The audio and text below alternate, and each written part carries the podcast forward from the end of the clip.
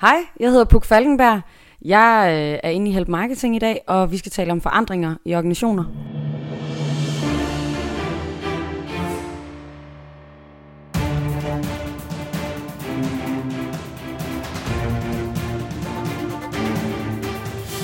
Det her er Help Marketing podcasten, lavet for dig, der arbejder med digital marketing, salg og ledelse, og som gerne vil opnå succes ved at hjælpe andre. Jeg hedder Xings, og Help Marketing producerer til min virksomhed Nochmal. Det her det er simpelthen afsnit nummer 121, og i dag der taler vi med vores gode veninde Puk Falkenberg. I kender hende fra Digitale Tanker podcasten. Fokus med Help Marketing er, at vi skal blive bedre til at hjælpe hinanden, fordi det er i mine øjne den simpelthen den allerbedste måde at skabe succes for dig selv og andre på, fordi det hele er baseret på værdifulde relationer. Og vi hopper direkte til ugens content marketing værktøj, der i denne uge er sponsoreret af vores gode venner hos Erhvervsakademi Kolding IBA. Jeg underviser jo hos øh, IBA, øh, både i, øh, i Kolding og i København fra tid til anden, og der håber jeg selvfølgelig at se dig.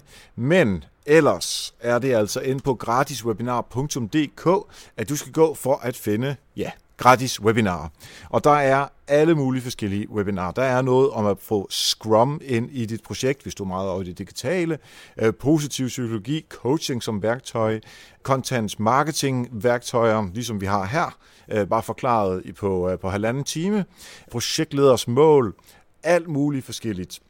Og det kan du melde dig til ind på gratiswebinar.dk. Helt gratis melder du dig til, og så får du en mail, når du skal øh, dagen inden de starter. Og på den måde, så er du simpelthen med på øh, halvanden times eller en times øh, gratis webinar, og bliver vældig klog på baggrund af det. Så det kan jeg kun anbefale. Gå ind på gratiswebinar.dk, så er du også med til at støtte Help Marketing. Og ugens content marketing værktøj er All-in-One Messenger for Chrome. Kender du det der, hvor der er sindssygt mange steder, hvor du skal chatte? Altså det er sådan noget med Facebook, og så får du en chat på Skype, så sker der et eller andet på WhatsApp, så er du på en Hangout, og så er der øh, Slack, hvis du bruger det. Og hvis du er sådan en gamer-type, så er du måske også på Steam. Der er sindssygt mange steder, hvor man skal chatte med folk hele tiden. Og man kan næsten ikke huske, hvor man har chattet med folk henne. Jeg synes i hvert fald, det er svært at få, uh, få holde det overblik. Hvor var det nu, jeg sendte linket til hende der? Og så kan jeg ikke huske det, og så skal jeg ind og kigge alle steder, og så finder jeg det til sidst. Det, der er det smarte ved All-in-One Messenger for Chrome, det er, at du kan simpelthen samle alle de her chatkanaler, alle dem jeg nævnte, plus mange flere, øh, i et vindue til Chrome på computeren. Og så er det simpelthen bare at chatte på kryds og tværs på alle de her kanaler. Du har simpelthen alt det her overblik over, at, øh, hvad du har chattet med de forskellige mennesker med, og det tager ingen tid at skifte fra Facebook til WhatsApp osv. osv. Det virker kun i Chrome desværre, og det er kun på desktop. Men prøv det, og det er altså på allin1.em. Det var min gode veninde og kollega Anita, der introducerede mig for øh, uh, All-in-One uh, øh, øh, Messenger for, for Chrome her, da vi skrev uh, Help Marketing-bogen uh, her mellem jul og nytår. Hun er kæmpe fan, så jeg synes også, at du kan gå ind og teste af. Tak til IBA og deres gratis webinar.dk for at være sponsor på ugens content marketing værktøj. Hvis du har et værktøj liggende, som du gerne vil dele med alle os andre, jamen så send det til på, på eriksnabelag.dk. Og hvis du øh, skal læse tilbage på de her øh, værktøjer, der ligger over 120 nu samlet, og det gør de på nokmal.dk-tools. Og så er det tid til at finde ud af, om du er med på forandring, eller om du er imod forandring.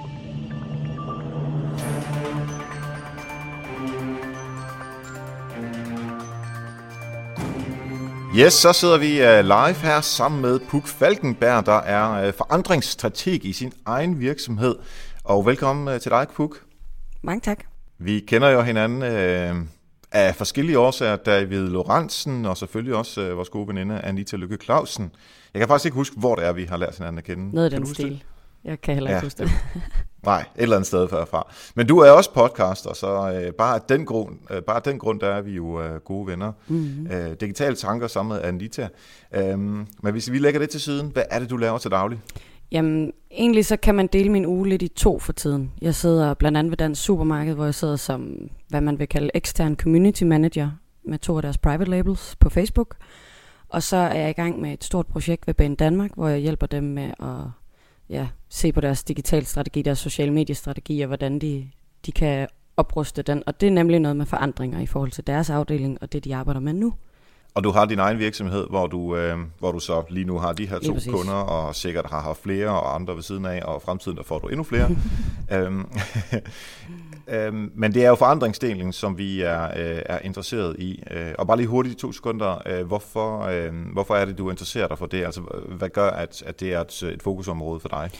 Jamen, først så kom det af, at jeg faktisk læste en kan-mærke Change Management, øh, som ligesom optog mig øh, af det her emne, og så fik jeg lov til at skrive mit øh, speciale i samarbejde med Erik Østergaard, som du også har haft igennem her, øh, og Line mm. Blok, og se på, hvordan han egentlig laver change management ude i organisationerne. Og det var super fedt at se. Og så har jeg brugt det sidste års tid, hvor jeg jo så er blevet selvstændig også, på at kæde det sammen med det, jeg arbejder med til dagligt med sociale medier, sådan at en social mediestrategi bliver forankret ordentligt i en organisation. Lige præcis. Og det er jo nogle af de ting, vi skal tale om lige om lidt. Uh, men inden da, så kunne jeg godt lige tænke mig at høre et eksempel fra dig om, uh, om det her paid forward, nogen der har hjulpet dig, uh, uden at du egentlig har altså, betalt for det. Mm. Uh, jamen, du spørger jo, og det sidste år har jeg jo startet selvstændig, så der har jo ikke været andet end god hjælp fra hele mit netværk, uh, som ja, virkelig har været brugbart og godt. Der, hvor jeg nok mest var overrasket, det var en tidligere kollega, øh, Tobias Brandt, som henviste mig til, eller en startup virksomhed spurgte ham, om han kendte nogen. Og der henviste han til mig, og det har gjort, at øh, nu skal jeg hjælpe en startup virksomhed med at udbrede deres app, og de hjælper jo så mig med at få indsigt i deres virksomhed. Jeg kan godt lide at, at arbejde med startups, det har jeg også gjort tidligere. Så der synes jeg, at han har, han har formået at, at lave paid forward til os begge to, ved at sætte os sammen, ved at matche os. Øh, det synes jeg var rigtig fedt. Det havde jeg slet ikke regnet med, at, at vil komme som en mulighed.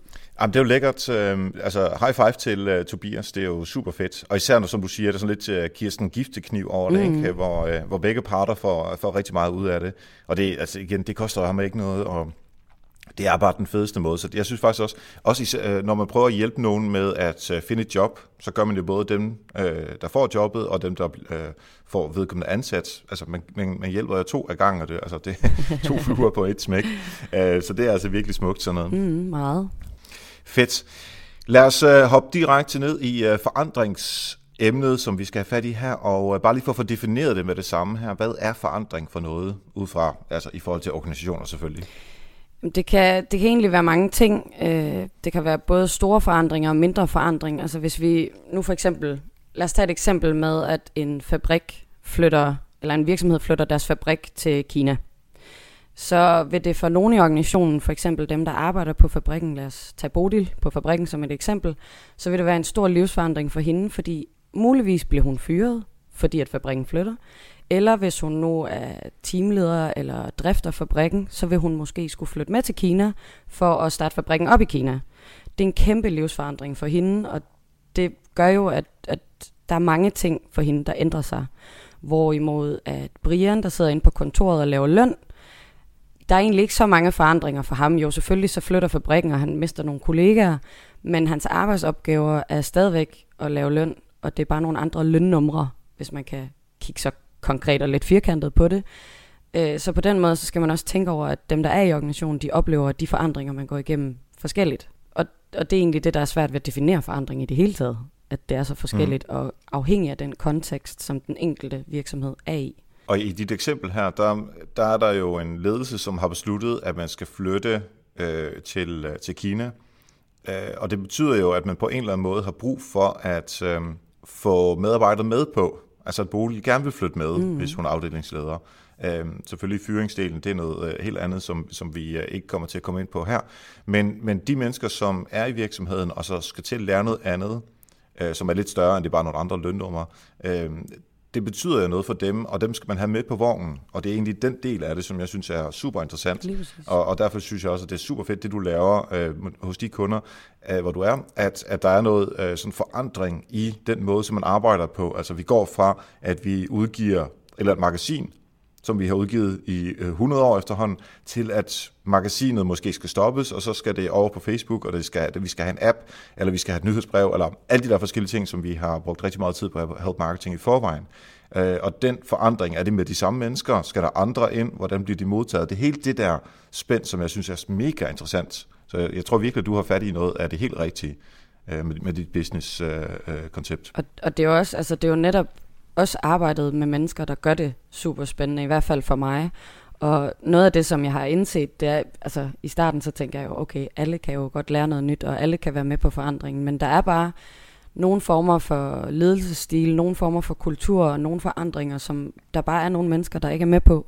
Og der må man bare acceptere, at så kan det være, at Bodil ikke er med på at flytte til Kina, og så må hun jo også enten selv sige op, eller blive fyret, eller flyttet til noget andet. Øh, og så må man også acceptere, at hun ikke er med på den. Når du siger, at der er nogle ting, som er svære at få folk til at øh, forandre sig hen imod, har du nogle helt konkrete eksempler på noget, som er, øh, som er sværere end, end andet? Ja. Altså man, man kunne forestille sig, at øh, hvis vi skifter, øh, at i stedet for klokken 12, så er det klokken halv et, at vi spiser frokost, fordi der, ja. altså det er en forandring, som, uh, som man ikke rigtig kan gøre noget ved, og det, de, til, de fleste siger nok ikke op af den grund. Nej. Men er der nogle, nogle andre eksempler, du kan komme på, hvor, hvor man siger, det der det er altså virkelig svært at få medarbejdere til at komme med på? Altså hvis for eksempel øh, du er vant til at blive ledet med skarpe deadlines, du er vant til at blive målt på alle dine KPI'er, øh, og ligesom leve op til sådan en virkelig, virkelig stærk performancekultur, og så lige pludselig så beslutter organisationen, at det skal være en øh, mere netværksdrevet, projektorienteret kultur, der ikke rigtig måler på lige så mange KPI'er, eller øh, ja, tager udgangspunkt i en anden ledelsesform, og er mere fleksible så kan det godt være, at du mister nogle af de rammer, som du normalt arbejder med, de her deadlines og de her KPI'er, du bliver målt på. Det kan være, at din feedback bliver mere, øh, altså ligesom vi sidder og snakker nu, dialogbaseret, øh, anerkendende og ikke i tal. Og hvis du ikke er klar på det, og ikke øh, kan arbejde på den måde, eller omvendt for den sags skyld, så, øh, så er det jo svært at ændre sig. Og der må man gøre op med sig selv også. Er jeg klar til det her overhovedet? Kan jeg det her, eller skal jeg så skifte arbejdsplads? Ja, jeg kan komme med et, et konkret eksempel. Det var ikke i, i en organisation, jeg arbejdede, men da jeg skiftede fra byråverden og så over til Bolius, hvor jeg er nu, Øhm, altså i byråverden, der skal du jo øh, registrere al din tid, og du skal fakturere så meget af den tid, som du registrerer som muligt, således at man kan få øh, ja, masser af penge igen, han har sagt. Øhm, og sådan er øh, Bolius jo ikke, for det er jo ikke øh, nogen konsulentvirksomhed, og for så vidt sælger Bixen jo heller ikke noget som helst, så det er mere, vi har nogle forskellige mål, vi skal nå. Øhm, det er en lille smule mindre hektisk på den der sådan konsulentmåde. Så de første tre måneder i hvert fald, og også øh, de, de, de næste tre-seks måneder, der, jeg følte, som om jeg ikke lavede noget som helst. Fordi jeg registrerede ikke tiden på noget, hvor jeg så kunne sende fakturer til en kunde. Jeg, jeg, jeg kunne ikke se sådan resultatmæssigt, hvad det præcis var, jeg gjorde. Og det, at jeg, jeg havde virkelig svært ved det, må jeg indrømme. Øh, og af og til kan jeg stadigvæk også godt have det lidt. Come on, hvorfor?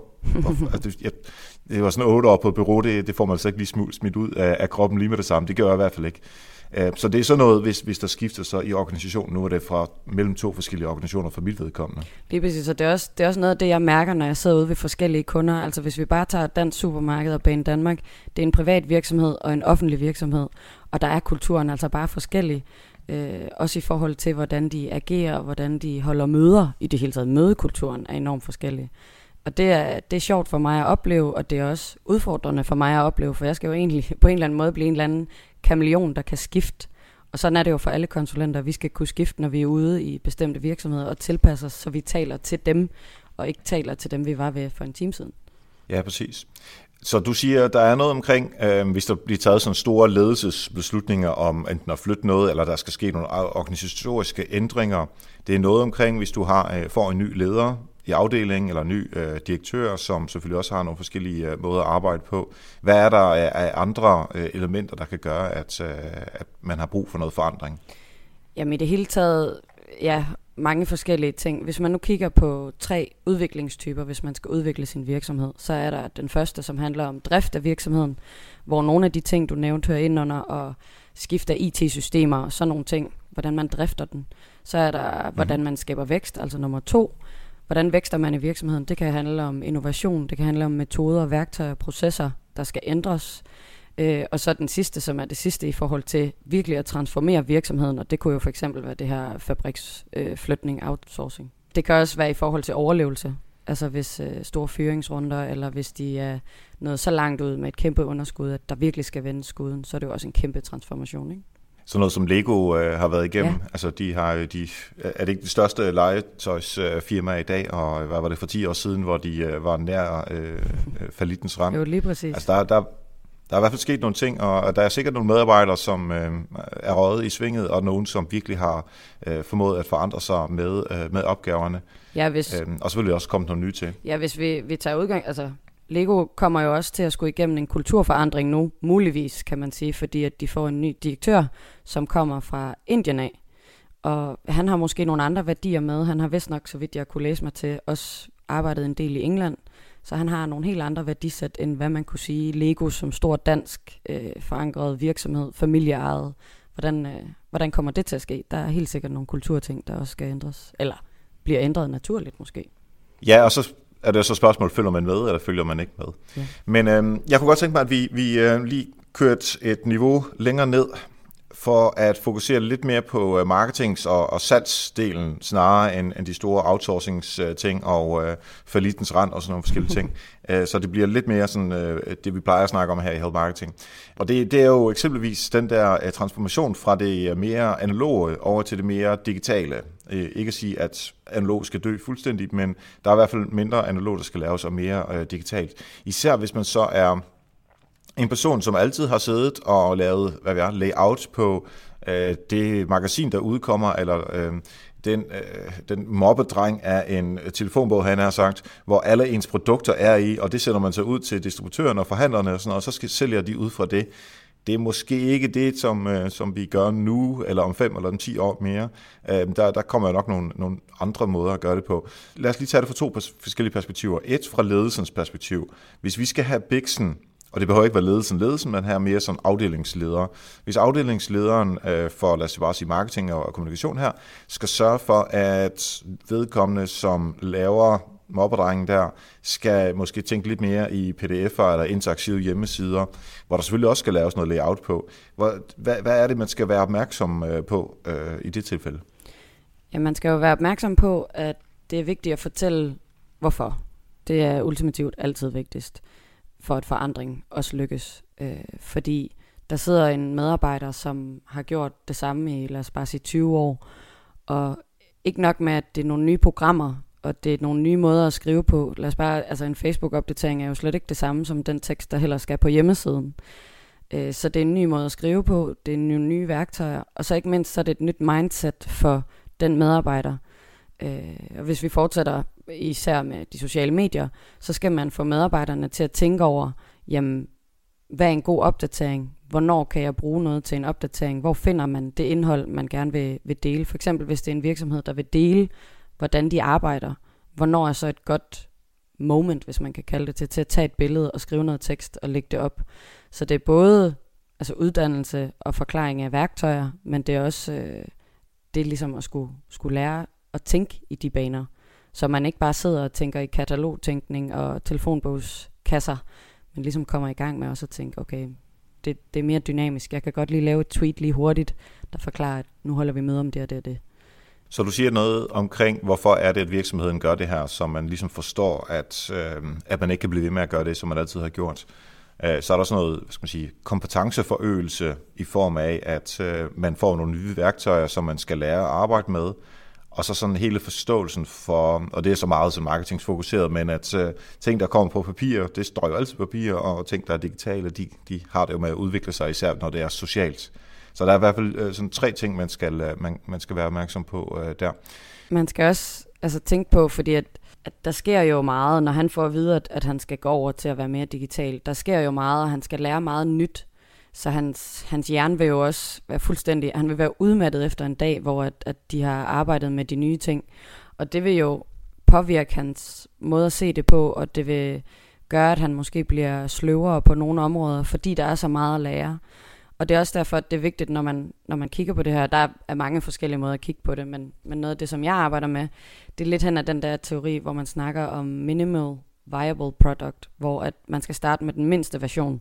Så det nytter ikke noget, hvis han sidder og laver telefonbøger og kataloger, at du så kommer næste dag og siger, nu skal vi både på Twitter, Instagram, Facebook, LinkedIn, og du skal også lægge hele kataloget online og sådan nogle ting. Det handler om små skridt, så man kunne måske starte med at sige, okay, fra om to numre af kataloget, der vil vi begynde at lægge det online. Så hvis du allerede nu begynder at lære programmerne, metoderne, øh, snakker, i talesætter de eksempler, man vil kunne bruge, og hvornår det er vigtigt, og formater og billeder, for tjekket alt sådan noget, så er det øh, nemmere at håndtere forandring. Så de her små skridt, det handler om at starte op med at bygge et skateboard, før man bygger en bil, som ja, de snakker om. ja, ja, jamen, det er et godt billede på det. Så øh, små skridt, mm. og så siger du samtidig med også personer, som er i en sådan slags transformationsfase, de er ikke helt så effektive, som de plejer at være. Ja, lige præcis. Fordi de jo skal, altså deres ryggrads arbejde ligger lige pludselig ikke på ryggrad mere, det skal op i hovedet, blive forbedret, øh, eller ikke forbedret, øh, fornyet hedder det vel egentlig. Ja. Og det kræver jo, at øh, når du skal bruge hovedet i stedet for ryggraden, så, så, så er der bare ikke helt så meget plads, som det du bare gør per automatik. Lige præcis. Det tager tid, før noget bliver en rutine, før noget sidder, som, som det, var, det andet gjorde før. Mm-hmm.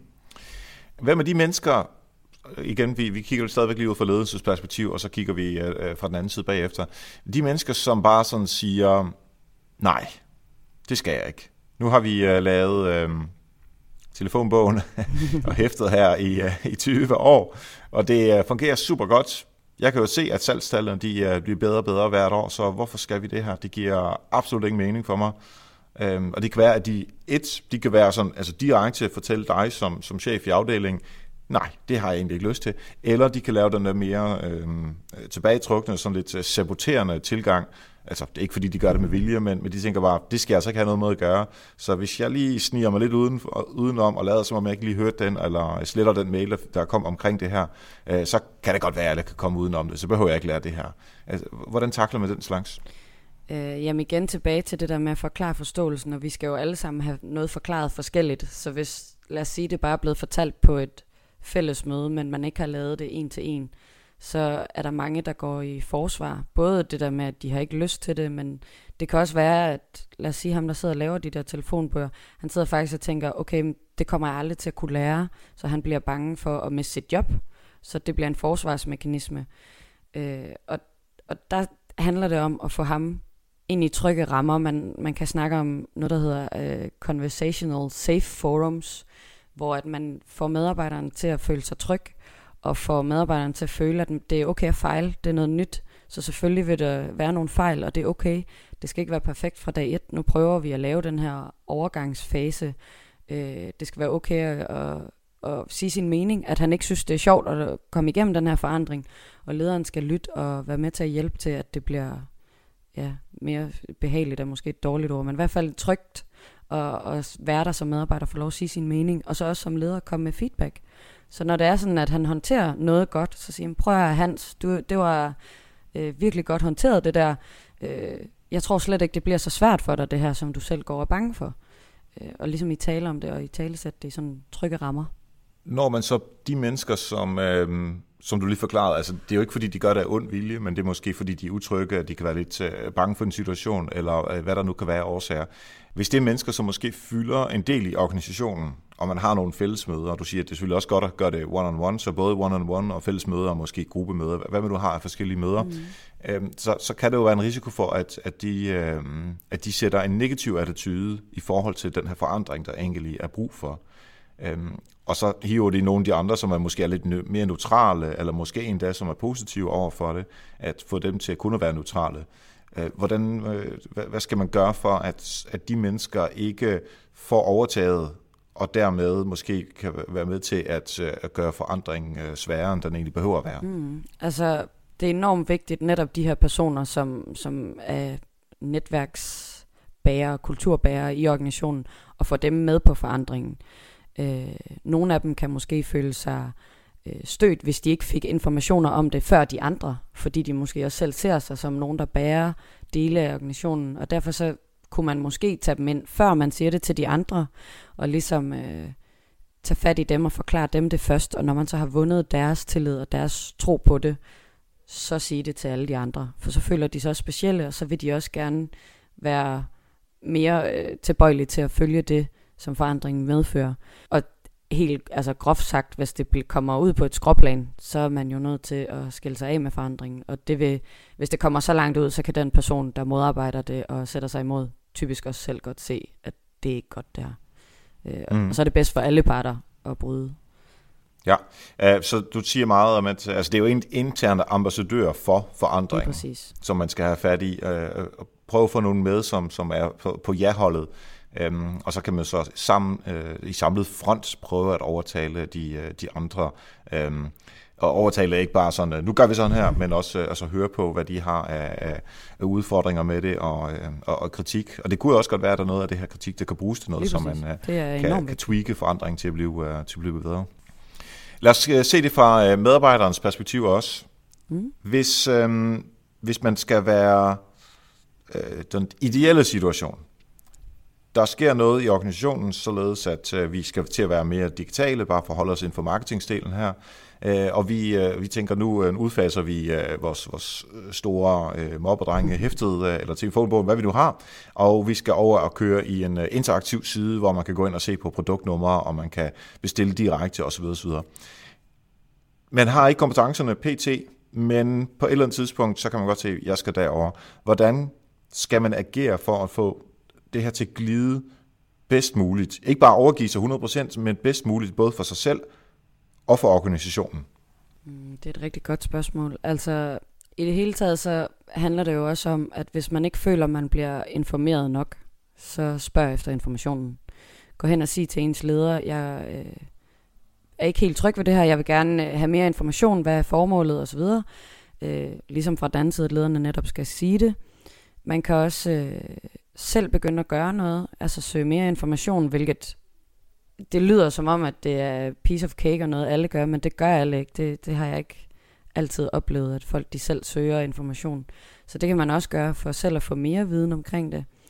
Øhm, så er der selvfølgelig det aspekt ikke at tale skidt om det, det er sådan en simpel ting, men det virker jo på et eller andet, ja, det er nok her Anita burde hjælpe os med noget i hjernen, men det virker jo, at jo mere bedre du taler om ting og sådan noget, jo, jo bedre tænker du også om det. Så lad være med at tale tingene ned. Øh, og så også, når man ligesom skal lære noget, så prøv at kaste sig ud i det. Altså, et eksempel er, at nu er vi i gang med at skulle uddanne øh, forskellige personer i Bane Danmark til de forskellige medier, så de ved mere om, hvad Twitter kan, hvad LinkedIn kan osv. Øh, og der er det også, vi kører det også i faser, så lige nu der uddanner vi dem, der er i organisationen. Men senere vil der nok også være behov for at ansætte nye, der kan, har nogle andre kompetencer inden for sociale medier, der kan se det i et andet perspektiv, og kan, som kan udvikle deres tilstedeværelse øh, på et senere tidspunkt. Så på den måde, så skal man jo også altså både uddanne dem, der er, og man skal være åben over for at blive uddannet som medarbejder. Øh, det er jo chancen for, at man heller ikke mister sit job, hvis man er med på den og bliver uddannet og bliver klogere. Øh, mm. Og så øh, gør det jo også, at, at man kan tænke over, at hvis jeg har en forståelse for det her, og der på et tidspunkt kommer en ny kollega, der skal hjælpe med det her, så er det ikke fordi, at jeg bliver erstattet, og jeg skal have et nyt job. Så er det fordi, at der skal flere kompetencer ind, så vi kan hjælpe hinanden. Og hvis jeg har en forståelse, og den person er specialist, så kan vi bedre arbejde sammen. Så det handler mest om mindset i virkeligheden. Ja, fordi mange af de her ting er jo ikke noget, som man ikke på en eller anden måde godt kan lære. Selvom det føles som noget helt nyt, og man tænker, ej, det kan jeg slet ikke finde ud af, og øh, hvor svært er det her lige, og øh, det, det er noget helt andet, det jeg plejer at sidde med. Så, så snart man hopper ned i det, og, øh, og begynder at arbejde med det, så plejer det relativt nemt at øh, gå derhen, hvor man øh, har godt styr på det inden for, øh, for, for et par uger. Og især hvis man også øh, selv er sådan udfarende og tjekker, om der er noget andet viden, som man kan få.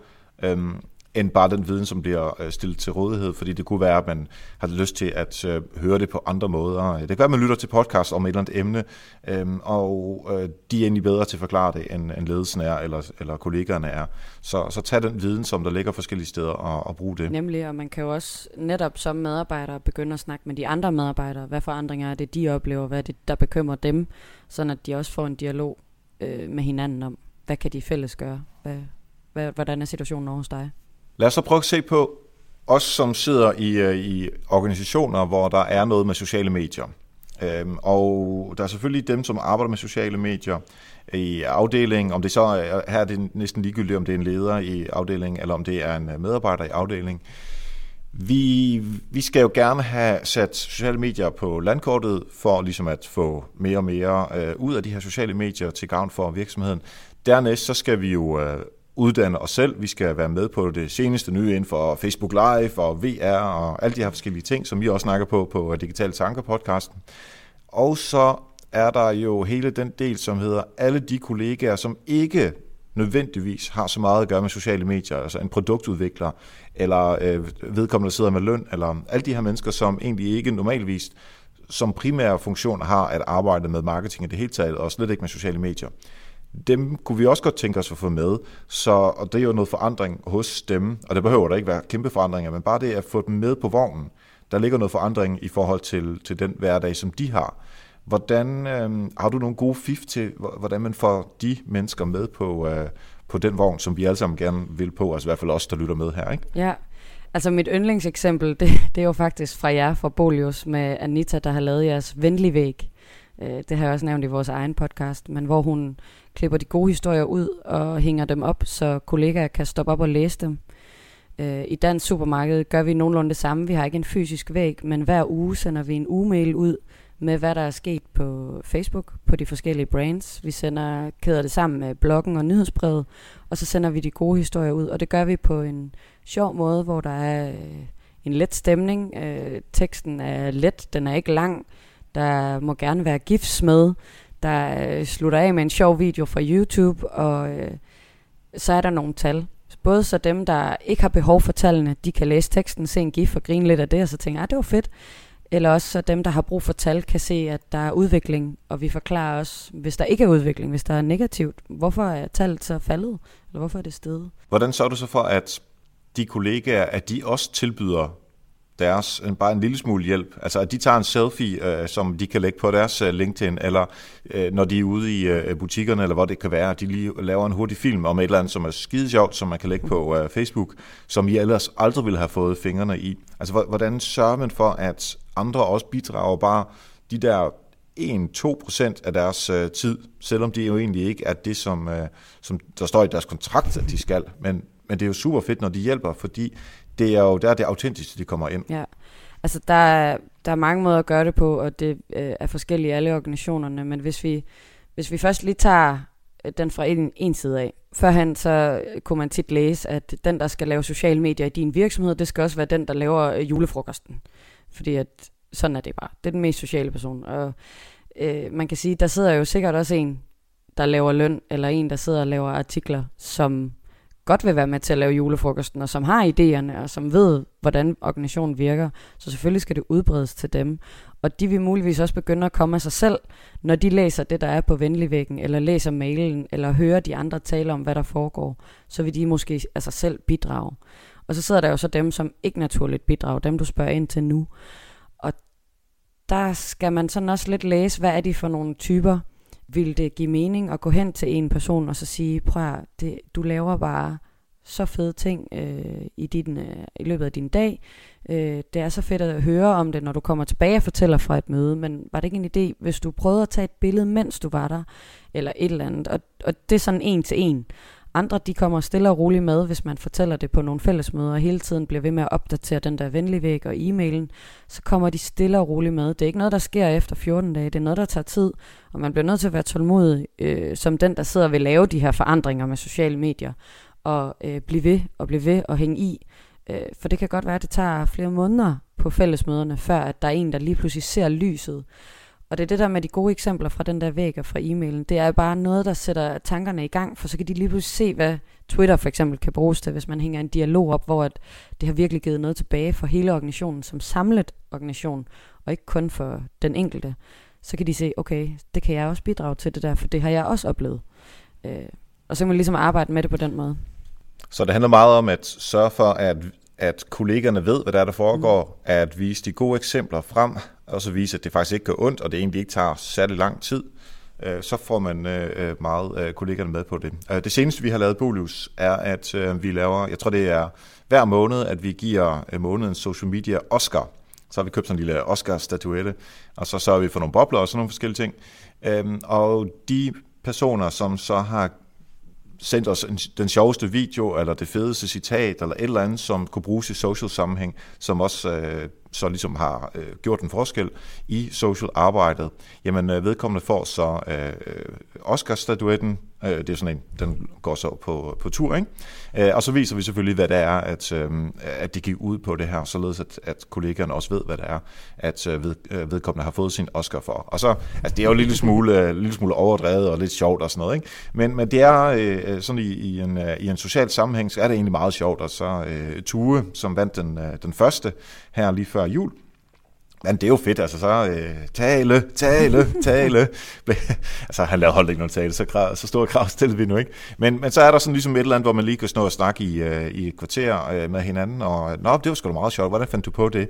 Øh, de mennesker, der gerne vil vide det, og så øh, får de også, nå, det kan jeg da også gøre næste gang, hvor jeg sidder derhjemme og, og øh, ved pejsen, og måske øh, tager et billede af noget brændende træ, eller hvad det nu er, man, øh, man har brug for øh, at, at lave. Det var også noget af det, som, som vi faktisk snakkede om i en af de første podcasts, mig og Anita, der snakkede vi om den her statuette. Og det, som er sjovt, hvis man ser på det nu, det er, at det vækker jo konkurrence i nogle mennesker. De er jo totalt ja. konkurrencemennesker, så de går jo efter det. Og om det er konkurrencen, der vækker dem, eller fordi de gerne vil bidrage til organisationen som helhed, det er jo fra din side af bordet jo egentlig lige meget. De bidrager, og de kan lide det, og de synes, det er fedt, og det er det vigtigste. Så hvis det kræver en statuette, så kræver det en statuette. Og bare lige så vi om, det er ikke en guldstatuette. Jeg tror, den er købt i tiger, så den nok ikke kostet mere end 20 Men den er flot, jeg har set den. Jeg vil også gerne vinde, hvis ja, jeg er hos jer. Ja, den er så fin. Jamen, øh, du kan bare sende nogle billeder, så kan det være, at vi kan lave en ekstern øh, Oscar-statuette. Uh, ja. Lige om lidt, der kunne jeg godt tænke mig fra dig at høre nogle eksempler på, øh, og nogle forslag til, hvad man skal gøre for at finde ud af, om man er en af de der personer, som er imod forandring så man ligesom kan tjekke op, er det mig, der, der øh, er imod alle de her ting, øhm, og så kan man selvfølgelig gøre noget ved det. Men inden da, der vil jeg gerne have lov til at takke alle de søde, rare mennesker, der lytter til Help Marketing øh, hver uge, og har sagt til sig selv, det her er virkelig noget, som jeg kan bruge til noget, når sådan en som Puk kommer ind og fortæller noget. Det er noget, som jeg kan bruge i min, øh, i min hverdag, øh, enten i sin virksomhed eller øh, på den arbejdsplads, man egentlig selv er.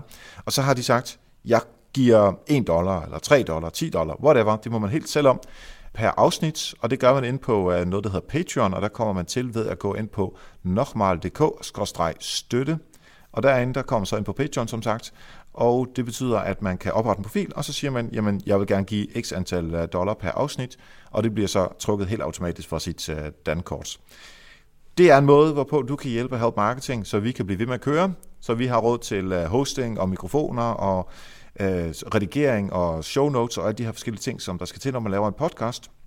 Så hvis du har lyst til at støtte Help Marketing, så er det altså bare om at gå ind på nokmal.dk-støtte. Godt, Puk. Nu skal vi øh, bare lige nogle enkle tegn på, at øh, lytterne forhåbentlig ikke, men måske kan finde sig selv i de mennesker, som er mod forandringer. Og det er ikke fordi, der er noget, der er noget galt i at være imod forandringer, men det er godt at vide, at man er imod det. Øhm, og så kan man så sige, at ja, jeg er stadigvæk imod det her, eller måske burde jeg ikke være helt så meget imod det. Så det er mere sådan et, et par værktøjer til, hvordan man kan undgå at øh, være imod, bare for at være imod. Yes, jamen hvis vi starter med den første, så den tankegang, hvor man tager sig selv i at tænke, det er jo ikke mig, det er de andre. Jeg er jo ikke en del af forandringen. Det er de andre, der skal forandre sig, eller det er de andre, det går ud over. Øh, der ser man sig selv uden for fællesskabet, og der bliver man lidt en modstander på en eller anden måde, fordi det påvirker flere, end man tror. Øh, så der skal man være... Så altså den der, det er ikke mit problem, hænderne op, og så er det bare sådan, no problem, det gør I bare, I don't care, jeg sætter mig herover og laver det, jeg altid Lige præcis, der skal man øh, i stedet for tilbyde sig til fællesskabet være med i det. Øh, mm-hmm. Så er der nummer to, hvis man kun lytter til de rationelle grunde, altså, eller hvis man ikke lytter til de rationelle grunde, altså hvorfor man skal forandre sig, men i stedet for kun lytter med hjertet og med maven, som i det hele taget også handler om det her, det er ikke mig, det er de andre, øh, så glemmer man også, at det måske er for virksomhedens bedste at forandre øh, situationen. Og den sidste, det er en klassiker, og øh, den kan man grine lige så meget, man vil, men det er klassikeren, når folk siger, det plejer vi jo at gøre. Det er enormt farligt med den tankegang, fordi så udvikler man sig ikke som organisation, man udvikler sig ikke som medarbejder, og så øh, kan omgivelserne stikke af, konkurrenterne kan stikke af. Øh, lige pludselig var der Facebook, der sidder stadigvæk virksomheder nu, der siger, det plejer vi jo ikke at gøre, øh, og derfor er de ikke på Facebook, øh, hvor de faktisk kunne få en masse værdi. Så den er farlig, den sidste. Så skal man bare tænke på den onkel, der plejer at sige, jamen plejer at dø. Lige præcis, lige præcis. Så griner ham. Altså jeg har stadigvæk en onkel, der siger, at internettet er en dille, så det, der prøver jeg lige at sige, Den, er, den skal du vist have ændret holdning til. Bare en lille smule, ja. Fedt. Der er i hvert fald uh, tre ting, som man uh, lige kan analysere en lille smule på sig selv på, om, uh, om man nu er villig til at i hvert fald at tænke over forandringerne, og ikke bare sige nej per automatik. Super fedt. Puk, hvor kan man finde dig henne, hvis man er blevet inspireret af det? Er jeg sikker på, at man er her, efter at have hørt dig snakke om forandring? Man kan finde mig på Twitter. Jeg hedder Puksf, jeg ved ikke, P-U-U-K-S-F, øh, på min hjemmeside, pukfalkenberg.dk. Og så har jeg jo podcasten Digitale Tanker med Anita, som vi har nævnt et par gange. Den kan man også følge med på. Digitaletanker.com, yes, ikke? lige præcis. Og selvfølgelig alle steder, hvor man får uh, podcasts. Storartet, det har været en fornøjelse at uh, tale med dig om, uh, hvordan vi uh, sørger for at få forandringer uh, igennem i organisationer, og hvilke faldgrupper der er. Tak fordi du var med, Puk. Tak fordi jeg måtte. Mange tak til Puk. Nu ved du, om du er mod eller med forandringen. Du kan i hvert fald finde ud af, om øh, du kan ændre din måde at øh, reagere på, og du kan finde ud af, jamen hvad skal jeg gøre, hvis jeg gerne vil have noget forandring i virksomheden, fordi det gavner det, som jeg nu engang laver derinde. Derudover, husk, at du kan støtte Help Marketing, og det foregår altså på nokmal.dk-støtte, hvis det er på Patreon. Og det du også kan gøre, hvis du ikke er en af de typer, som har lyst til at støtte på Patreon, så gå ind på iTunes og giv fem stjerner og en anbefaling. Det får vi virkelig meget ud af. For en sidste gang på Help Marketing, der skal jeg sige tak til Natasha fra onlinebyrået Intoto for at have skrevet show notes. Jeg forklarede jo, at de stopper og fra næste uge af, der er det altså Mette fra Sumera, der skriver show notes. Og dem kan du også finde ind på helpmarketing.dk, og så finder du nummer 121, og så ligger alle de fede show notes klar til dig, så du ikke selv behøver at tage dem. En lille reminder, helpmarketingbogen.dk.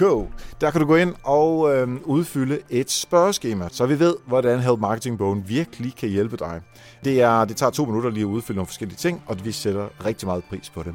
Her inden for øh, så længe, der skal vi i gang med de første frivillige, simpelthen til at snakke med dem, hvad øh, vil I lave, og hvordan, og så hvordan og hvorledes, og alt det her ting. Og måske det også kunne være dig. Hvis du har lyst til at hjælpe med Help så mailer du bare på eriksnabelag.dk.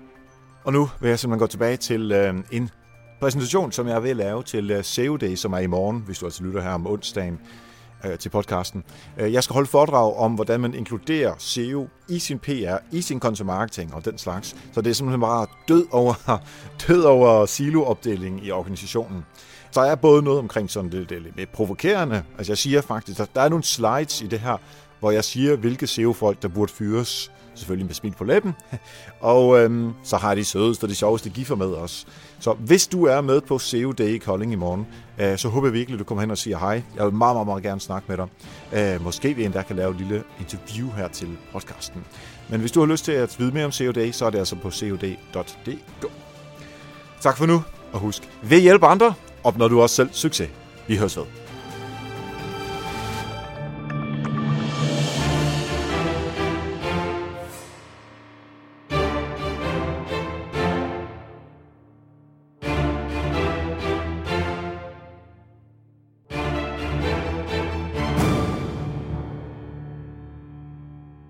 Hej kæreste lyttere i Help Marketing. Mit navn det er Nils Vium, og jeg vil rigtig gerne præsentere min egen podcast, som jeg kalder Mindcast. Det er en podcast om personlig effektivitet, søvn, kost og motion og generelt mental performance, hvor jeg inviterer gæster med, det her både værende iværksættere, konsulenter og topchefer, hvor vi analyserer lidt på, hvad man kan gøre for at være i sit S og få mest muligt ud af de 24 timer, vi har i døgnet. Hvis du synes, det kunne være interessant, så lyt med i Mindcast, stavet M-I-N-D-C-A-S-T, og den kan findes i iTunes og i din podcast-app. Vi lyttes ved.